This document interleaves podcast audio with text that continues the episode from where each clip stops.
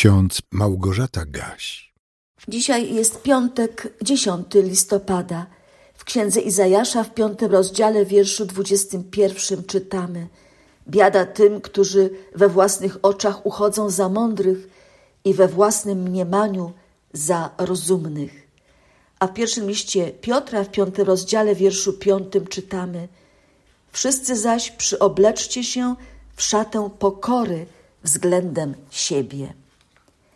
Dzisiejszy werset starotestamentowy pochodzi z dłuższego fragmentu noszącego tytuł Biada złym. To fragment z piątego rozdziału Księgi Izajasza, liczący aż dwadzieścia trzy wersety. Biada. Dziś w języku polskim to słowo już chyba nie jest używane. Po prostu wyszło z użycia. I dlatego dzieci, młodzi ludzie tego słowa nie znają – a gdy je słyszą w kościele w trakcie czytania tekstów liturgicznych, być może myślą, cóż za archaiczny język, jakiś taki niedzisiejszy. Sprawdziłam. W tłumaczeniu Biblii Ekumenicznej też mamy słowo biada. Nie zastąpiono go innym słowem, ponieważ w tym fragmencie Bożego Słowa chodzi o mocne ostrzeżenie. W słowie biada zawarte jest nie tylko napomnienie, ostra krytyka, ale także zapowiedź kary. Biada tym, którzy się nie nawrócą, którzy nie zaczną pokutować i żałować, którzy nie zechcą naprawić wyrządzonych krzywd, którzy się nie opamiętają i nadal będą kroczyć drogą prowadzącą do zguby. Biada tym, którzy lekceważą Boże zasady i samych siebie stawiają w miejsce Boga nie chcą uznać go za Pana nieba i ziemi, od którego zależą losy tego świata, ale także losy pojedynczego człowieka. Biada, biada złym, czyli tym wszystkim, którzy wolą przebywać w ciemności, z dala od światłości Boga. Drodzy słuchacze, nie chcę Was dzisiaj straszyć. Sama też chcę uniknąć strachu lęku przed Bożą karą. Ty i ja jesteśmy w o wiele lepszej sytuacji niż ludzie żyjący w czasach proroka Izajasza, w czasach przed przyjściem Mesjasza, Zbawiciela, który na krzyżu zadość uczynił za grzechy przez nas popełniane.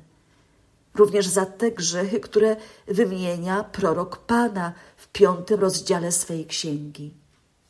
Ale to wcale nie oznacza, że możemy ten rozdział pomijać w swoich rozważaniach, w swojej osobistej medytacji.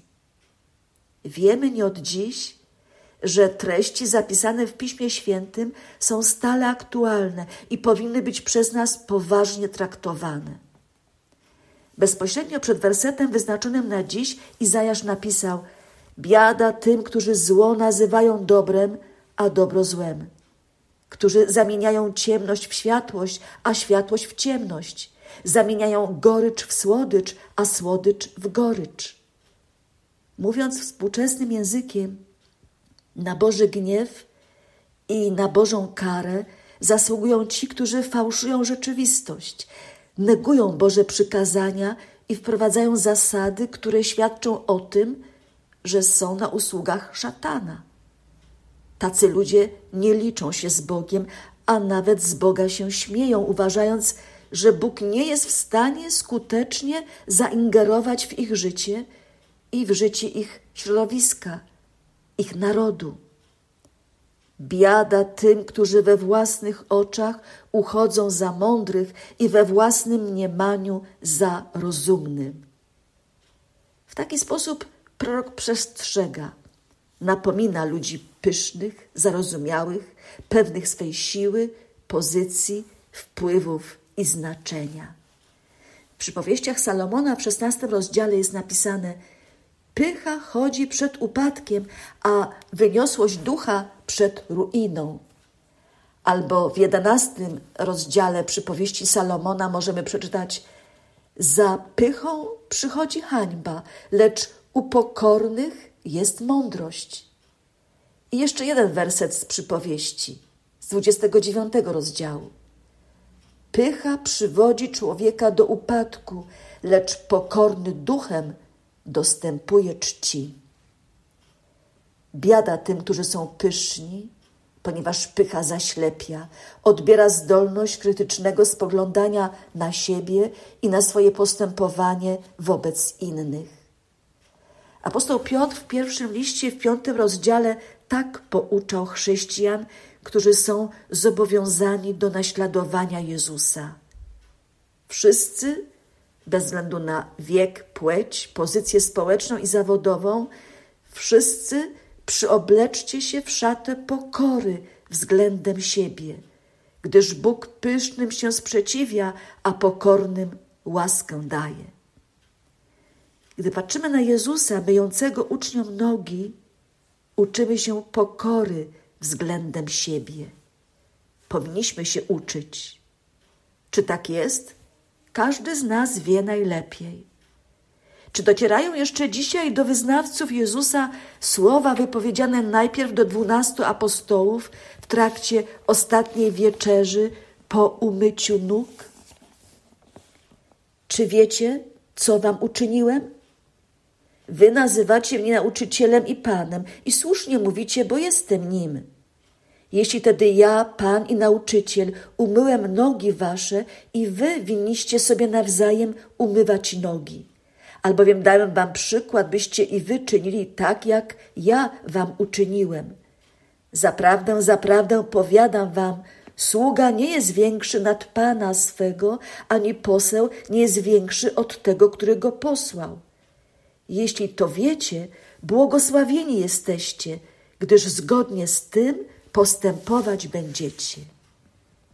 Błogosławieni jesteście – Mówi Pan Jezus również do mnie i do Ciebie, jeżeli przyoblekliście się w szatę pokory względem siebie. Jeżeli jesteście zdolni do bezinteresownego usługiwania sobie nawzajem.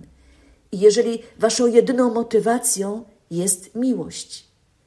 W imię miłości Chrystusowej chcemy sobie nawzajem pomagać, usługiwać, nie wywyższać się ponad innych, nie wykorzystywać swej pozycji w rodzinie, w zakładzie pracy, czy nawet w parafii czy kościele. Gdyby wszyscy chrześcijanie żyjący w Polsce przyoblekli się w szatę pokory względem siebie, to nasz kraj byłby pięknym miejscem do życia. Gdyby wszyscy luteranie żyjący w Polsce przyoblekli się w szatę pokory względem siebie, to prawdopodobnie byłoby o wiele większe zainteresowanie tym innym, mniejszościowym kościołem. Gdyby wszyscy członkowie rodzin, rodzice, dzieci, dziadkowie, rodzeństwo, dzieci, wujkowie przyoblekli się w szatę pokory względem siebie, to odpowiedzcie sobie sami, drodzy słuchacze. Życzę Wam dobrego dnia, byście mogli odczuć Boże błogosławieństwo w kontaktach z ludźmi, których dziś spotkacie, z którymi coś Was łączy. A sam Bóg pokoju niechaj Was w zupełności poświęci, a cały duch Wasz i dusza i ciało niech będą zachowane bez nagany na przyjście Pana naszego Jezusa Chrystusa. Amen.